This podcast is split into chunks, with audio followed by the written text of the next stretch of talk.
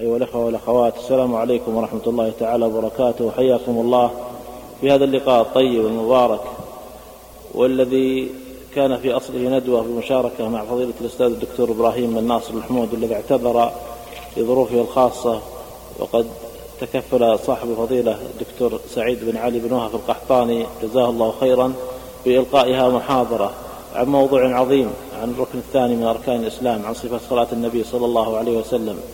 وفضيلة الشيخ جزاه الله خيرا.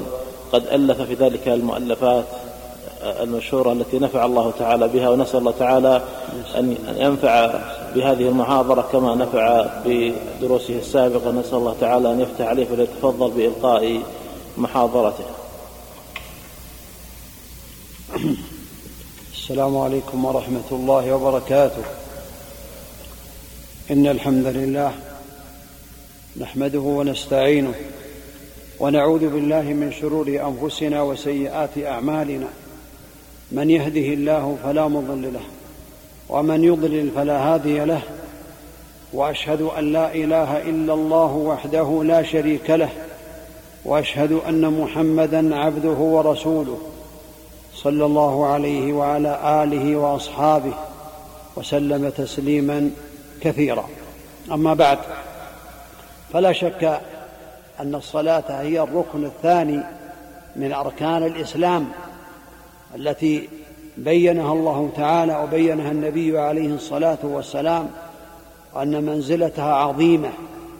قد بعث النبي عليه الصلاة والسلام معاذا إلى اليمن فقال له عليه الصلاة والسلام إنك تأتي قوما من أهل الكتاب فليكن أول ما تدعوهم إليه. شهادة أن لا إله إلا الله وأن محمدا رسول الله. وفي رواية إلى أن يوحدوا الله فانهم أطاعوك لذلك فأعلمهم أن الله افترض عليهم خمس صلوات في اليوم والليلة. فانهم أطاعوك لذلك فأعلمهم أن الله افترض عليهم صدقة تؤخذ من أغنيائهم فترد في فقرائهم. واتق دعوة المظلوم فإنها ليس بينها وبين الله حجاب أو كما قال النبي صلوات الله وسلامه عليه. ولا شك أن هذه الصلاة هي عمود الإسلام وهي الأمر العظيم. بعد هذه الشهادتين بعد شهادة أن لا إله إلا الله ومعناها لا معبود حق إلا الله وأن محمدا رسول الله عليه الصلاة والسلام ومعناها الاعتقاد الجازم أن محمد بن عبد الله عليه الصلاة والسلام القرشي الهاشمي صلوات الله وسلامه عليه رسول الله حقا أرسله الله تعالى للجن والإنس لا نبي بعده صلوات الله وسلامه عليه. وهذه الصلاة هي الركن الثاني من أركان الإسلام ومنزلتها عظيمة بينها الله تعالى وبينها النبي عليه الصلاة والسلام. النبي عليه الصلاة والسلام قال في هذا في الحديث الصحيح رأس الأمر الإسلام وعموده الصلاة وذروة سنامه الجهاد في سبيل الله. وهي أول ما يحاسب عليه العبد يوم القيامة. كما ثبت عن النبي عليه الصلاة والسلام أول ما يحاسب عليه العبد يوم القيامة الصلاة. فإن صلحت فقد أفلح وأنجح وإن نقصت فقد خاب وخسر. وفي رواية أخرى آخر ما يفقد من الدين أو آخر ما تفقدون من الدين لتنقضن عرى الإسلام عروة عروة. وكلما انتقضت عروة تشبث الناس بالتي تليها فأولها نقضا الحكم وآخرها الصلاه فإذا كان الصلاه هي آخر ما يفقد من الدين فلا يبقى من الدين شيء بعد الصلاه لأنها آخر ما يبقى من الدين ولعظم شأنها ولعلو مكانتها اوصى بها النبي عليه الصلاة والسلام عند الغرغرة وهو يغرغر عليه الصلاة والسلام يقول الصلاة الصلاة وما ملكت أيمانكم أي إلزموا الصلاة. الصلاة الصلاة وما ملكت أيمانكم حتى كان يجلجلها في صدره عليه الصلاة والسلام ولا يكيد وكاد يفيض بها لسانه صلوات الله وسلامه عليه. مدح الله القائمين بها وأثنى عليهم سبحانه وتعالى والآمرين بها كما قال سبحانه واذكر في الكتاب إسماعيل إنه كان صادق الوعد وكان رسولا نبيا وكان يأمر أهله بالصلاة والزكاة وكان عند ربه مرضيا ذم الله المضيعين لها وعاب عليهم فخلف من بعدهم خلف أضاعوا الصلاة واتبعوا الشهوات فسوف يلقون غيا وقال فويل للمصلين الذين هم عن صلاتهم ساهون وقال إن المنافقين يخادعون الله وهو خادعهم وإذا قاموا إلى الصلاة قاموا كسالى يراءون الناس ولا يذكرون الله إلا قليلا مذبذبين بين ذلك لا إلى هؤلاء ولا إلى هؤلاء ومن يضلل الله فلن تجد له سبيلا. لا شك أن الصلاة لها شأن عظيم ولعظم شأنها فرضها الله تعالى في السماوات فوق السماء السابعة في السماء فرضها خمسين صلاة ثم خفف عن عباده سبحانه حتى جعلها خمس صلوات في اليوم والليلة. من حافظ على هذه الخمس الصلوات كتب الله له تعالى أجر خمسين صلاة وهذا من فضل الله تعالى على عباده. من عظم شأنها أن النبي عليه الصلاة والسلام أمر بها وألزم بها صلوات الله وسلامه عليه بل أمره الله تعالى بها وأمره أن يأمر بها عليه الصلاة والسلام. وأمر أهلك بالصلاة واصطبر عليها. لا نسألك رزقا نحن نرزقك والعاقبة للتقوى. قال النبي عليه الصلاة والسلام مروا أولادكم بالصلاة لسبع واضربوهم عليها لعشر وفرقوا بينهم في المضاجع ولعظم شأنها. أمر النائم والناس والمغمى عليه أن يقضيها. ولهذا ثبت عن النبي عليه الصلاة والسلام أنه قال من نسي صلاته أو نام عنها فليصليها إذا ذكرها. لا كفارة لها إلا ذلك. أو كما قال النبي صلوات الله وسلامه عليه والمغمى عليه ثلاثة أيام فأقل ذكر العلماء رحمة الله تعالى عليهم أنه يقضيها إذا كانت ثلاثة كان الإغماء ثلاثة أيام فأقل الحاقا بالنائم. هذا يدل على عظم شأنها وعلو مكانتها. وينبغي للمسلم أن يعرف ويعلم حكم من تركها ومن تهاون بها حتى يعلم هذه الأحكام التي بينها الله تعالى وبينها النبي عليه الصلاة والسلام. فالله عز وجل يقول يوم يكشف عن ساق ويدعون إلى السجود فلا يستطيعون خاشعة أبصارهم ترهقهم ذلة وقد كانوا يدعون إلى السجود وهم سالمون. هذا يوم القيامة حينما يكشف الله تعالى عن ساقه التي تليق بجلاله ليس كمثله شيء. وهو السميع البصير فيخر المؤمنون سجدا والمنافقون تبقى ظهورهم قائمة ولا يستطيعون السجود لأنهم لا يسجدون في الدنيا اخلاصا لله تعالى. هذا يدل على عظم شأن هذه الصلاة وأن من ضيعها أو لم يخلص فيها يكون مع هؤلاء والعياذ بالله تعالى. كل نفس بما كسبت رهينة إلا أصحاب اليمين في جنات يتساءلون عن المجرمين. ما سلككم في سقر؟ قالوا لم نكن من المصلين ولم نكن نطعم المسكين وكنا نخوض مع الخائضين وكنا نكذب بيوم الدين. فقارن الله تعالى التاركين للصلاة المضيعين للصلاة بالمكذبين بيوم الدين كما بين سبحانه وتعالى في هذه الآية. وقال فإن تابوا وأقاموا الصلاة وآتوا الزكاة فإخوانكم في الدين. قال فإن تابوا وأقاموا الصلاة وآتوا الزكاة فخلوا سبيلهم.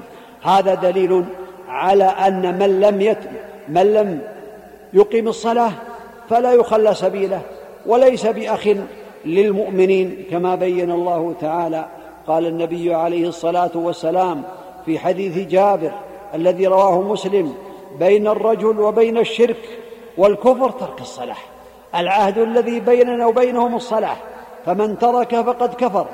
وقال عبد الله بن شقيق كان أصحاب النبي عليه الصلاة والسلام لا يرون شيئا من الأعمال تركه كفر إلى الصلاة هذا يدل على عظم شأن الصلاة أن لها أهمية عظيمة. وذكر شيخ الإسلام ابن تيمية رحمه الله تعالى في شرح العمدة عشرة أوجه لكفر تارك الصلاة تهاونا وكسلا. وذكر ابن القيم رحمه الله تعالى في كتابه الصلاة اثنين وعشرين دليلا على كفر تارك الصلاة تهاونا وكسلا. أما من تركها جاحدا لوجوبها فهو كافر عند جميع العلماء. نسأل الله العفو والعافية. وهذه الصلاة التي فرضها الله تعالى وجعلها ركنا من أركان الإسلام بين سبحانه وتعالى بأن لها من الفضائل ما يفوق الفضائل الأخرى من الأعمال بعد الشهادتين. ولهذا هي تنهى عن الفحشاء والمنكر كما قال الله تعالى إن الصلاة تنهى عن الفحشاء والمنكر ولذكر الله أكبر والله يعلم ما تصنعون. هي تنهى عن الفحشاء والمنكر إذا قام بها وصلها المسلم على الوجه الذي يليق وعلى هدي النبي صلوات الله وسلامه عليه.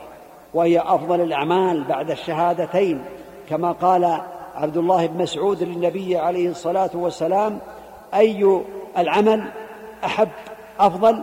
قال الصلاة لوقتها. قال ثم قلت قال ثم قلت ثم أي؟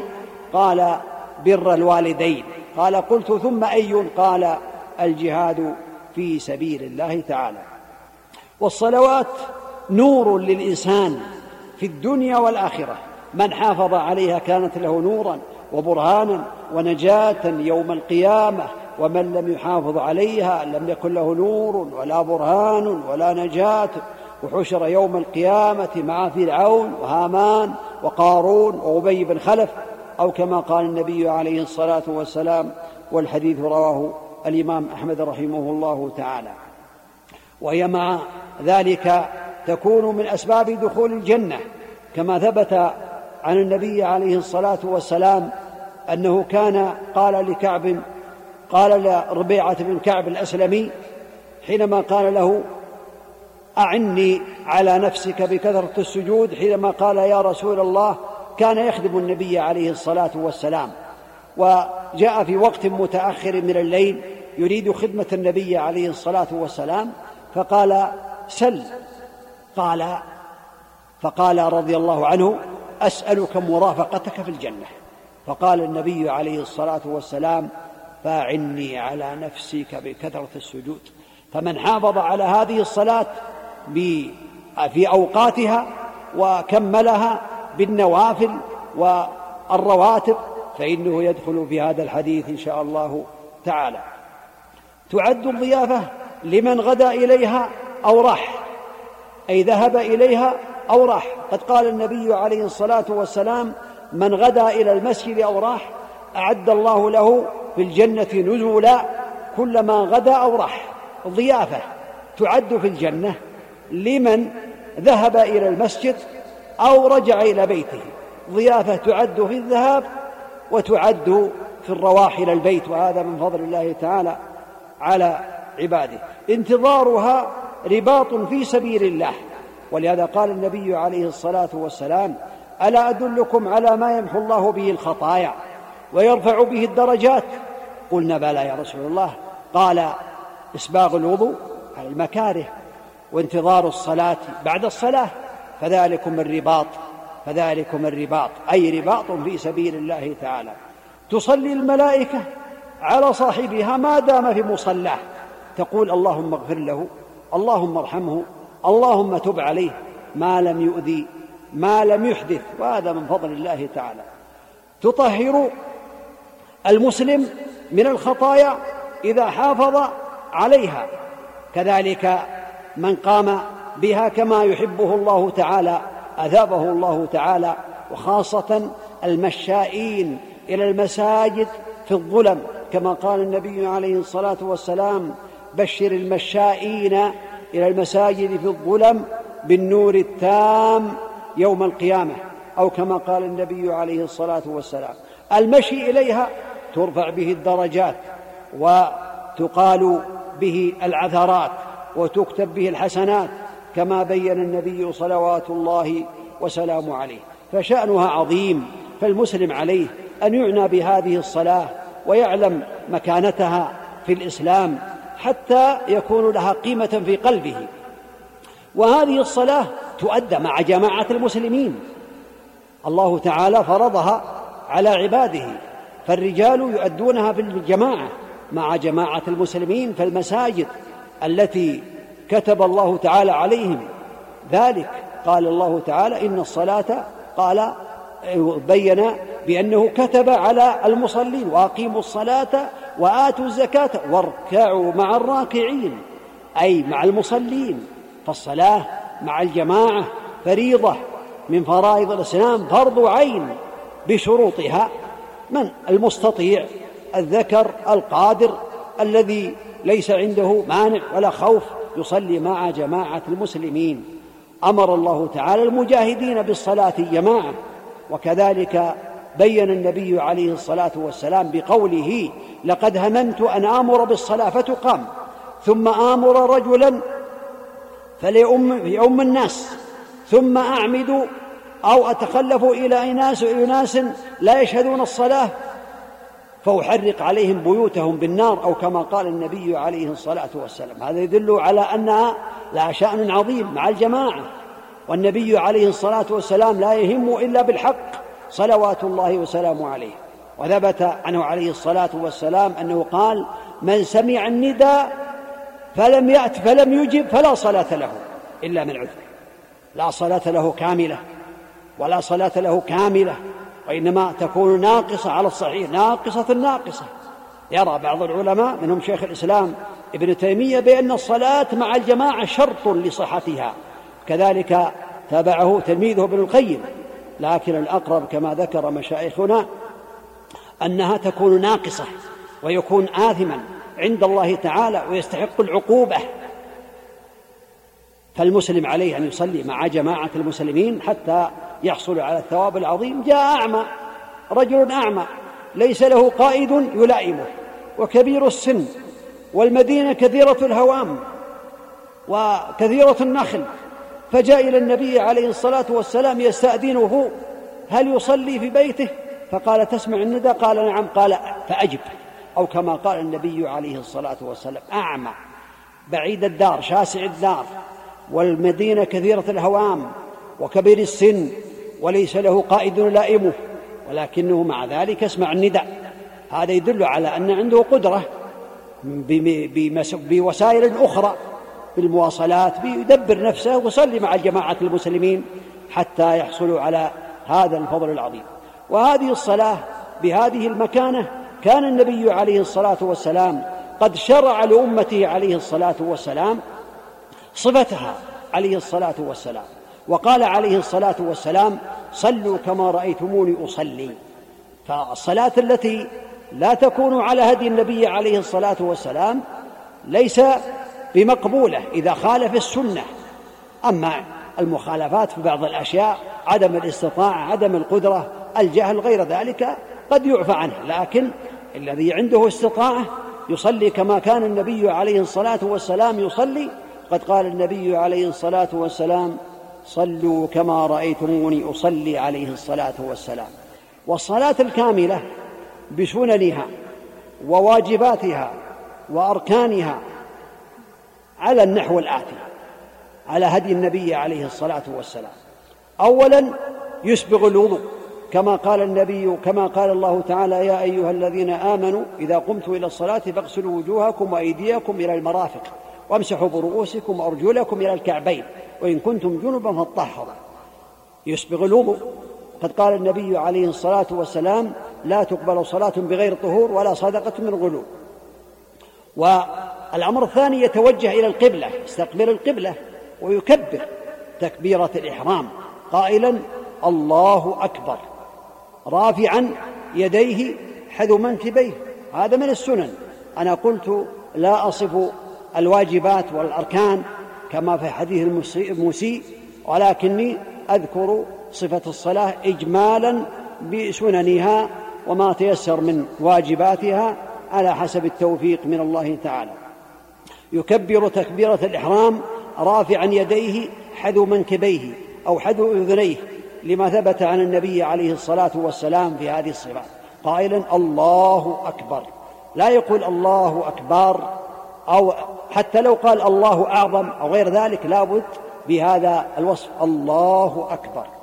فحينما يقول ذلك يرفع يديه حذو منكبيه أو حذو أذنيه وهذا من السنن التي آه، شرعها النبي عليه الصلاة والسلام. ذكر النبي عليه الصلاة والسلام الروايات جاءت عن النبي عليه الصلاة والسلام أن تكبيرة الإحرام تقارنها رفع اليدين يقارنها رفع اليدين.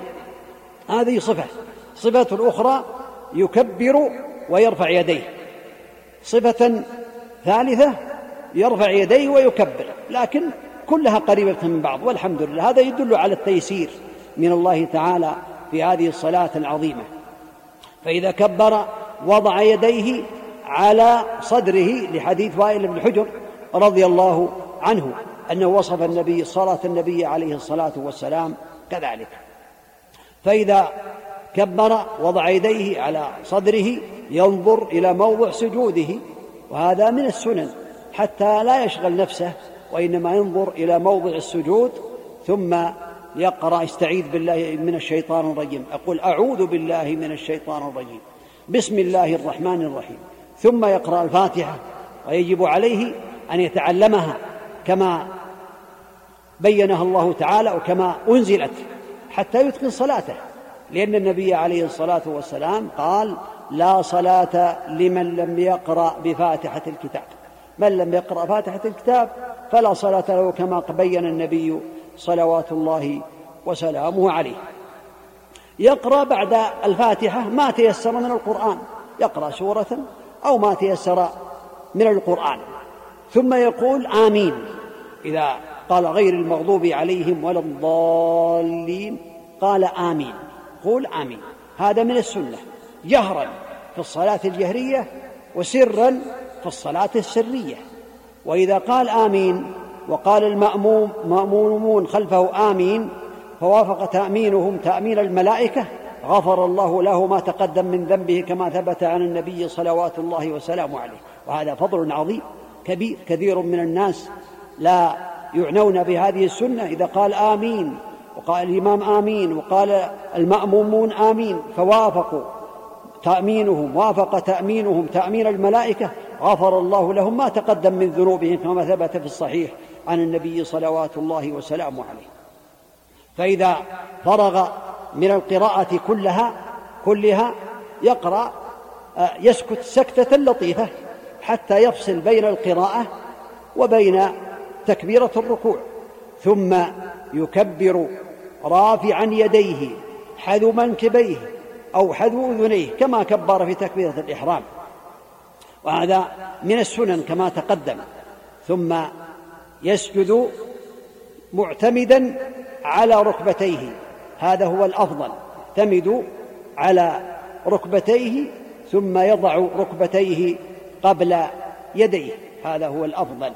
ثم يسجد على الأعضاء السبعة التي قال النبي عليه الصلاة والسلام أمرت أن أسجد على سبعة أعظم. الجبهة وأشار إلى أنفه والكفين وأطراف القدمين والركبتين. هذا يدل على أن السجود على الأنف لا بد منه لأنه قال الجبهة وأشار إلى أنفه صلوات الله وسلامه عليه. دل على أن السجود على الأنف لا بد منه. والجبهة كذلك. ثم يسجد على أعضائه السبعة يفرج بين يديه ولا يؤذي المصلين ويجافي يديه عن جنبيه وفخذيه عن ساقيه وبطنه عن ركع عن كذلك فخذيه. ويسجد هذا السجود يقول في هذا السجود سبحان ربي الأعلى سبحان ربي الأعلى. أولا الركوع يركع يكبر تكبيرة ثم يركع. نحن الآن في الركوع. يكبر فإذا كبر ركع ويجعل يديه على ركبتيه ويفرج بين أصابعه ويقول سبحان ربي العظيم ويمد ظهره. على حسب ما أعطاه الله تعالى من القوة. فاتقوا الله ما استطعتم. لكن النبي عليه الصلاة والسلام كان لو صب على ظهره عليه الصلاة والسلام ماء لاستقر لأنه عليه الصلاة والسلام كان يصهر ظهره صلوات الله وسلامه عليه يصهره عليه الصلاة والسلام. ويقول في هذا الركوع سبحان ربي العظيم سبحان ربي العظيم. يسبح الله تعالى ينزه الله تعالى العظيم عما لا, عما لا يليق به سبحانه. ثلاث مرات الأفضل أن تكون ثلاثة وتكفي واحدة الواجب واحدة. لكن لو كررها ثلاثا يكون أفضل. فإن زاد ما جاء في السنة سبحانك اللهم ربنا وبحمدك اللهم اغفر لي كما ثبت عن النبي عليه الصلاة والسلام في آخر حياته أنه كان يقول ذلك بعد أن نزلت إذا جاء نصر الله والفتح كان يقول سبحان ربي العظيم سبحان ربي العظيم سبحانك اللهم ربنا وبحمدك اللهم اغفر لي. وإن زاد سبوح قدوس رب الملائكة والروح فقد ثبت عن النبي عليه الصلاة والسلام. وإن قال كذلك سبحان ذي الجبروت والملكوت والكبرياء والعظمة كان أفضل على حسب ما يوفق الله تعالى العبد لهذا الذكر. ثم يرفع من الركوع مكبرا رافعا يديه حذو منكبيه كذلك. هذا الموضع الثالث لرفع اليدين. رافعا يديه حذو منكبيه أو حذو أذنيه. وهذا من السنن. قائلا سمع الله لمن حمده. هذا الإمام والمنفرد. أما المأموم فيقول ربنا ولك الحمد. فإذا قال ذلك فإن من السنة في حقه إن شاء زاد على ذلك. ربنا ولك الحمد. حمدا كثيرا طيبا مباركا فيه هذا من السنن وإن زاد ملء السماوات وملء الأرض وما بينهما وملء ما شئت من شيء بعد وملء ما شئت من شيء بعد أهل الثناء والمجد أحق ما قال العبد وكلنا لك عبد اللهم لا مانع لما أعطيت ولا معطي لما منعت ولا ينفع ذا الجد منك الجد كان ذلكم أفضل. قد وصف أنس رضي الله عنه صلاة النبي عليه الصلاة والسلام فصلى بهم صلاة وقال لا آل أن أصلي بكم كما كان النبي عليه الصلاة والسلام يصلي بنا. ثم صلى رضي الله عنه فرفع من ركوعه حتى يقول القائل قد نسي. وإذا رفع من سجوده يبقى ويمكث جالسا حتى يقول القائل قد نسي. والمعنى أنه يأتي بالأذكار التي شرعت على النبي عليه الصلاة والسلام ولكن الإمام لا يشق على الناس. الإمام يخفف على الناس مع القيام بما أوجب الله تعالى في الصلاة. ثم إذا رفع هذا الرفع يكبر ويسجد واضعا ركبتيه قبل يديه. فإذا سجد كما تقدم يضع يسجد على الأعضاء السبعة كما تقدم ويقول سبحان ربي الأعلى ويقول في السجود مثل ما قال في الركوع بعد سبحان ربي الأعلى ثلاثا إن قال سبحانك اللهم ربنا وبحمدك اللهم اغفر لي. سبوح قدوس رب الملائكة الروح سبحان ذا الجبروت والملكوت والكبرياء والعظمة. اللهم لك سجدت وبك آمنت وعليك توكلت وبك أنبت. ويقول اللهم اغفر لي ذنبي كله دقه وجله أوله وآخره علانية وسره كما كان النبي عليه الصلاة والسلام يفعل. لكن الإمام لا يشق على الناس كما تقدم. ثم يكبر ويرفع من السجود. ويجلس بين الجلسة بين السجدتين. يقول في هذه الجلسة ربي اغفر لي ربي اغفر لي. والأفضل أن يقول سبع كلمات. ربي اغفر لي وارحمني واهدني وعافني وارزقني واجبرني وارفعني. هكذا ثبت عن النبي عليه الصلاة والسلام في الروايات وهذا مجموعة رب اغفر لي وارحمني واهدني وعافني وارزقني واجبرني وارفعني. هذا من السنن والحمد لله لا تشق يسيرة. واقتداء بالنبي صلوات الله وسلامه عليه. ثم يكبر ويسجد. السجدة الثانية. وسجوده يكون بين كفيه. يعني مثل تكبيرة الإحرام. أثناء تكبيرة الإحرام يكون حذو الأذنين أو حذو المنكبين. كذلك في السجود. رأسه يسجد حذو يجعل يديه حذو أذنيه أو حذو منكبيه كما في تكبيرة الإحرام كما ثبت عن النبي صلوات الله وسلامه عليه. ثم يقول في السجود الأو هذا الثاني مثل ما قال في السجود الأول. ثم يكبر وينهض على صدور قدميه هذا هو الأفضل. ويعتمد على ركبتيه إن تيسر. وإن شق عليه أو كان كبيرا في السن أو ثقيلا أو غير ذلك فالحمد لله لا يكلف الله نفسا إلا وسعها. لكن هذا هو السنة فإذا قام في الركعة الثانية إلى الركعة فإنه يقول في الركعة الثانية ويفعل مثل ما فعل وقال في الركعة الأولى تماما. إلا أن الأفضل أن تكون القراءة في الركعة الثانية أقل من القراءة في الركعة الأولى. هذا هو السنة كما بين النبي صلوات الله وسلامه عليه بفعله صلوات الله وسلامه عليه. ثم يكبر ويفعل في الركعة الثانية مثل ما في الركعة الأولى ثم يجلس إذا كانت الصلاة ثنائية كالفجر أو الجمعة أو غير ذلك يعتمد ينصب اليمنى ويفرش اليسرى.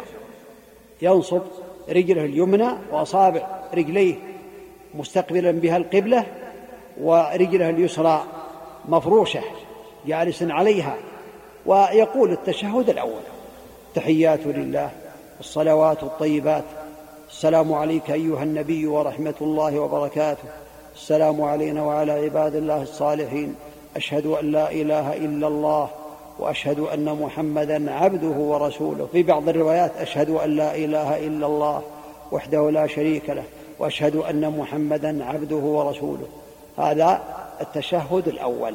ثم يقوم إلى الركعة الثالثة إن كانت الصلاة ثلاثية.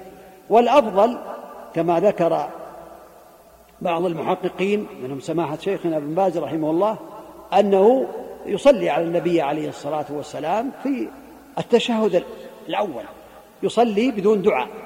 هذا هو الأفضل لأن الأحاديث جاءت قالوا يا رسول الله قد علمنا الصلاة عليك فكيف قد علمنا السلام عليك؟ فكيف نصلي عليك إذا نحن صلينا في صلاتنا؟ قال قولوا اللهم صل على محمد وعلى آل محمد كما صليت على إبراهيم وعلى آل إبراهيم إنك حميد مجيد. اللهم بارك على محمد وعلى آل محمد كما باركت على إبراهيم.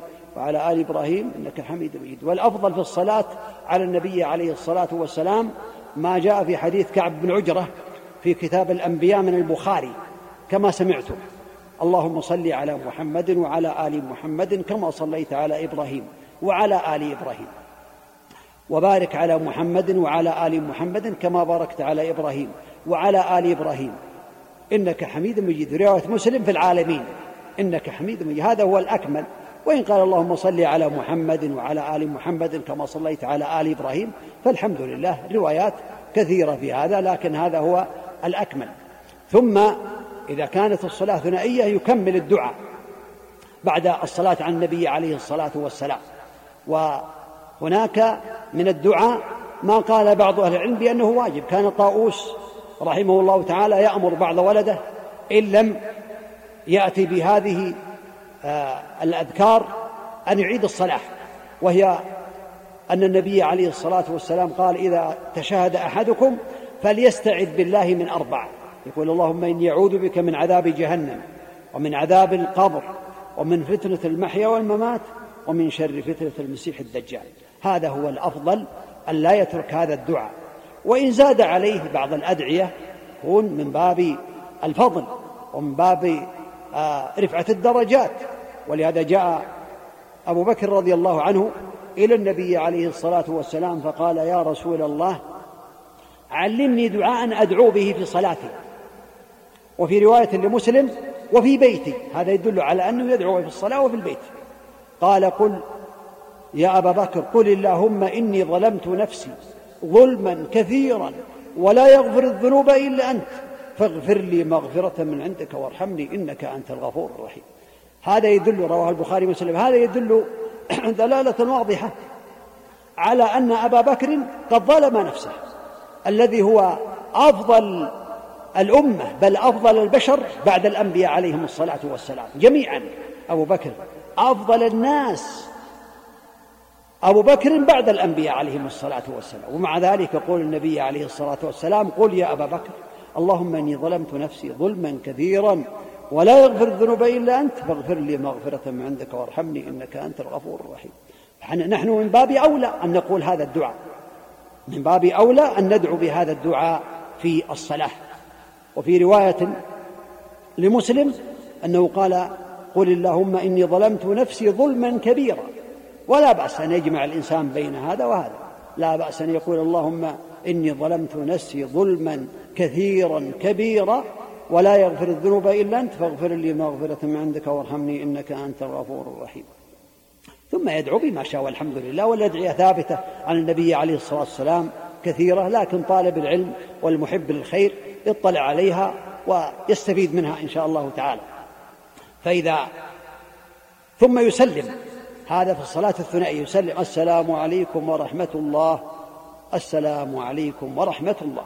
ولا يمد ما يمد السلام وإنما يقصر السلام عليكم ورحمة الله السلام عليكم ورحمة الله أو ما يقارب ذلك. أما بعض الناس يقول السلام عليكم ورحمة الله. هذا خلاف السنة. لا يقال لكن يقال خلاف السنة. كان النبي عليه الصلاة والسلام يكبر جزما ويسلم جزما عليه الصلاة والسلام. هذا من سنة النبي صلوات الله وسلامه عليه. وإذا كانت الصلاة ثلاثية أو رباعية فإنه يكبر وينهض كما تقدم ويصلي الصلاة الركعة الثالثة ويقتصر على الفاتحة. إلا كما ثبت عن النبي عليه الصلاة والسلام من حديث أبي سعيد في صلاة الظهر أحيانا كان يقرأ مع الفاتحة بعض السور أو بعض الآيات وإنما المعتمد في هذا غير الظهر أن يقتصر على الفاتحة ثم يصلي الركوع والسجود كما تقدم ثم الركعة الرابعة ثم يجلس ويقرأ التشهد كما تقدم ثم يسلم كما تقدم ثم يشرع للمسلم أن يذكر الأذكار أدبار الصلوات. هذه غنيمة تفوت كثير من الناس بعد الصلاة. فإن النبي عليه الصلاة والسلام قد شرع لنا إذا سلم المصلي. كان النبي عليه الصلاة والسلام إذا سلم يقول أستغفر الله أستغفر الله أستغفر الله ثلاثة ثم ينصرف إلى الناس عليه الصلاة والسلام ويقول اللهم أنت السلام ومنك السلام تباركت يا ذا الجلال والإكرام. هكذا كان النبي عليه الصلاة والسلام يقول. ثم يقول لا إله إلا الله وحده لا شريك له له الملك وله الحمد وهو على كل شيء قدير. وإن زاد ولا راد لما ثم لا إله إلا الله كان النبي عليه الصلاة والسلام يقول ذلك. لا إله إلا الله وحده لا شريك له له الملك وله الحمد وهو على كل شيء قدير. ثبت في البخاري في رواية أنها ثلاث مرات. هذه رواية. إن قال ثلاث مرات يكون أفضل. لا إله إلا الله وحده لا شريك له له الملك وله الحمد وهو على كل شيء قدير. لا إله إلا الله وحده لا شريك له له الملك وله الحمد وهو على كل شيء قدير. لا إله إلا الله وحده لا شريك له له الملك وله الحمد وهو على كل شيء قدير. اللهم لا مانع لما أعطيت ولا معطي لما منعت. وفي مسند عبد الحميد ولا راد لما قضيت ولا ينفع ذا الجد منك الجد. هكذا دبر كل صلاة. هذا هو الأفضل. وبعد المغرب والفجر عشر مرات. لمن شاء هذا فضل عظيم ثواب كبير ينبغي للمسلم ألا يفوت هذا الفضل العظيم. ويسبح الله تعالى ويكبره ويحمده كما قال النبي عليه الصلاة والسلام من سبح الله دبر كل صلاة ثلاثا وثلاثين وحمد الله ثلاثا وثلاثين وكبر الله ثلاثة وثلاثين وقال تمام المئة لا إله إلا الله وحده لا شريك له له الملك وله الحمد وهو على كل شيء قدير حطت خطاياه وإن كانت مثل زبد البحر. وإن كانت مثل زبد البحر مثل رغو البحر. سبحان رواه مسلم. هذا من فضل الله تعالى على عباده. كثير من الناس قد حرم هذا الخير. ثم يقرأ آية الكرسي ثبت من طرق متعددة عن النبي عليه الصلاة والسلام أنه قال من قرأ آية الكرسي دبر كل صلاة لم يكن بينه وبين الجنة إلا أن يموت. الموت يكون حول بينه وبين الجنة. وذكر عن شيخ الإسلام ابن تيمية رحمه الله تعالى أنه قال ما تركتها بعد كل صلاة بعد كل فريضة. نحن نتبع النبي عليه الصلاة والسلام في أقواله عليه الصلاة والسلام وفي أفعاله لكن هؤلاء من العلماء الذين يطبقون السنن. قال ما تركتها بعد دبر كل صلاة. ويقرأ المعوذات قل هو الله أحد قل أعوذ برب الفلق قل أعوذ برب الناس دبر كل صلاة. وهذا من فضل الله تعالى العبد للمحافظ ثم السنن الرواتب. لا يفوتها الإنسان لأنها تكمل الصلاة. الصلاة إذا كانت فيها بعض النقص بعض آه، الخلل جبرتها هذه سنن ولهذا ثبت عن النبي عليه الصلاة والسلام أنه قال من صلى لله اثنتي عشرة ركعة في يوم وليلة بني له بيت في الجنة روته أم حبيبة في مسلم فسرها الترمذي رحمه الله تعالى قال أربعا قبل الظهر وركعتان بعدها وركعتان بعد المغرب وركعتان بعد العشاء وركعتان قبل الفجر اثنتا عشرة ركعة من صلاها بنى الله تعالى له بيتا في الجنة. وهذا من فضل الله تعالى على عباده. وإن زاد تنفل زيادة نوافل لا بأس غير غير هذه الرواتب. هذه يقال لها الرواتب لكن في بعض النوافل لو صلى بعد الظهر أربعا كان أفضل. ثبت عن النبي عليه الصلاة والسلام أنه قال من حافظ على أربع ركعات قبل الظهر وأربع بعدها حرمه الله على النار. حديث حسن عن النبي عليه الصلاة والسلام. قبل العصر إن تيسر يدخل في دعوة النبي عليه الصلاة والسلام رحم الله امرأ صلى قبل العصر أربعة أسأل الله عز وجل بأسمائه الحسنى وصفات العلى أن يوفقني وإياكم لما يحبه ويرضاه وأن يجعلنا وإياكم ممن يستمعون القول فيتبعون أحسنه. ولا شك أن الإنسان مهما تكلم عن صفة صلاة النبي عليه الصلاة والسلام لا يمكن أن يبلغ الكمال ولا قريبا من الكمال لأن صلاة النبي عليه الصلاة والسلام هي منه عليه الصلاة والسلام توفيقا من الله تعالى ووحي من الله تعالى ولكن علينا أن نقتدي بالنبي صلوات الله وسلامه عليه. لقد كان لكم في رسول الله أسوة حسنة لمن كان يرجو الله واليوم الآخر. أسأل الله بأسماء الحسنى وصفات العلى أن يوفق الجميع لما يحب ويرضاه. وصلى الله وسلم وبارك على نبينا محمد وعلى آله وأصحابه أجمعين. جزا الله صاحب الفضيلة الدكتور سعيد بن علي بن وهب القحطاني على ما تفضل. بهذه المحاضرة العظيمة النافعة. ونحن وإياكم على موعد مع تعليق مبارك. مع سماحة الوالد الشيخ عبد العزيز بن عبد الله آل الشيخ مفتي عام المملكة ورئيس هيئة العلماء. التعليق على هذه المحاضرة والإجابة على أسئلتكم. ليتفضل. جزاه الله خيرا وسدده. بسم الله الرحمن الرحيم. الحمد لله رب العالمين. اللهم صل وسلم وبارك على عبدك ورسولك محمد. أشرف الأنبياء والمرسلين وعلى آله وأصحابه أجمعين وعلى من تبعهم بإحسان إلى يوم الدين. الشيخ الدكتور سعيد تحدث في موضوعه في هذه المحاضرة عن موضوعين. الموضوع الأول أهمية الصلاة وعظيم شأنها ومنزلة في الإسلام وأنها الركن الثاني أركان الإسلام وأنها عمود الإسلام وأنها علامة الإيمان والتوفيق للخير. وأنها تنهى عن الفحشاء والمنكر وأنها عون العبد على كل ما أهمه بأمور الدين ودنياه ثم تحدث عن حكم تاركها وأن تاركها معرض للكفر لأنه صلى الله عليه وسلم قال بين العبد وقال أو الكفر يشترك الصلاة وقال الأذى الذي بينه وبين الصلاة فمن تركها فقد كفر. مما يدل على عظم شأنها سواء قلنا إنه رد أكبر إنما أطلق الكفر على تارك الصلاة يدل على عظيم ذنبه وعظيم وزره. وذكر الفضائل المسجد وما فيه فضائل عظيمة.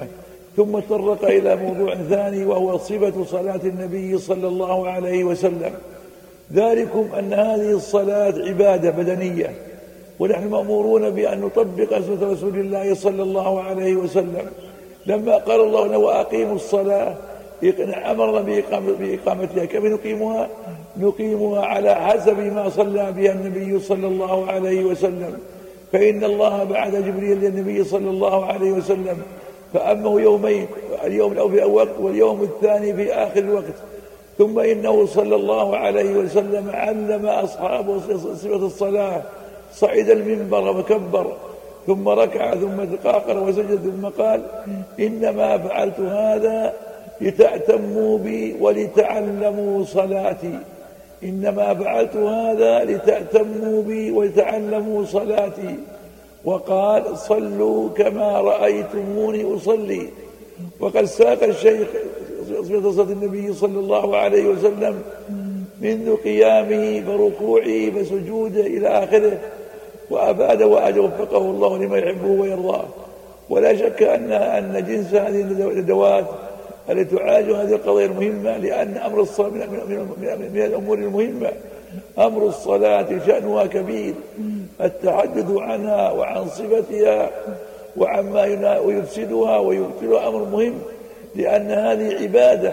هي هي الركن الثاني وهي وهي وهي الدالة على أن في القلب إسلاما وإيمان من لم يؤدي الصلوات الخمس يدل على خلل في إيمانه خلل في دينه. ومن وفقه لأدائها وحافظ عليها نفعه الله في الدنيا والآخرة. يقول صلى الله عليه وسلم مثل هؤلاء الخمس كمثل نهر جار بباب بباب أحدكم يغتسل منه كل يوم خمس مرات. يبقى من دون قال لا. قال فكذلك الصادق الله بالخطايا والسيئات. يا إخواني العناية بها عنوان الخير وعنوان السعادة. ومن واظب عليه يرجى ان يخطر بخير لكن مصيبة التهاون بها والاستخفاف بها وعدم المبالاة بها فإن هذا هو النقص العظيم لأن هذه الصلاة من روض نفسه عليها وهيأ وأعد نفسه لها جعلها الله في قلبه دائما. قال الله جل وعلا واستعينوا بالصبر والصلاة وإنها لكبيرة إلا على الخاشعين الذين يظنون أنهم ملاقوا ربهم وأنهم إليه راجعون. نسأل الله أن يوفقنا وإياكم من هذه السنة وإحيائه والمواظبة عليها إنه على كل شيء قدير. وجزا الله شيخ سعيد خيرا وصلى الله على محمد.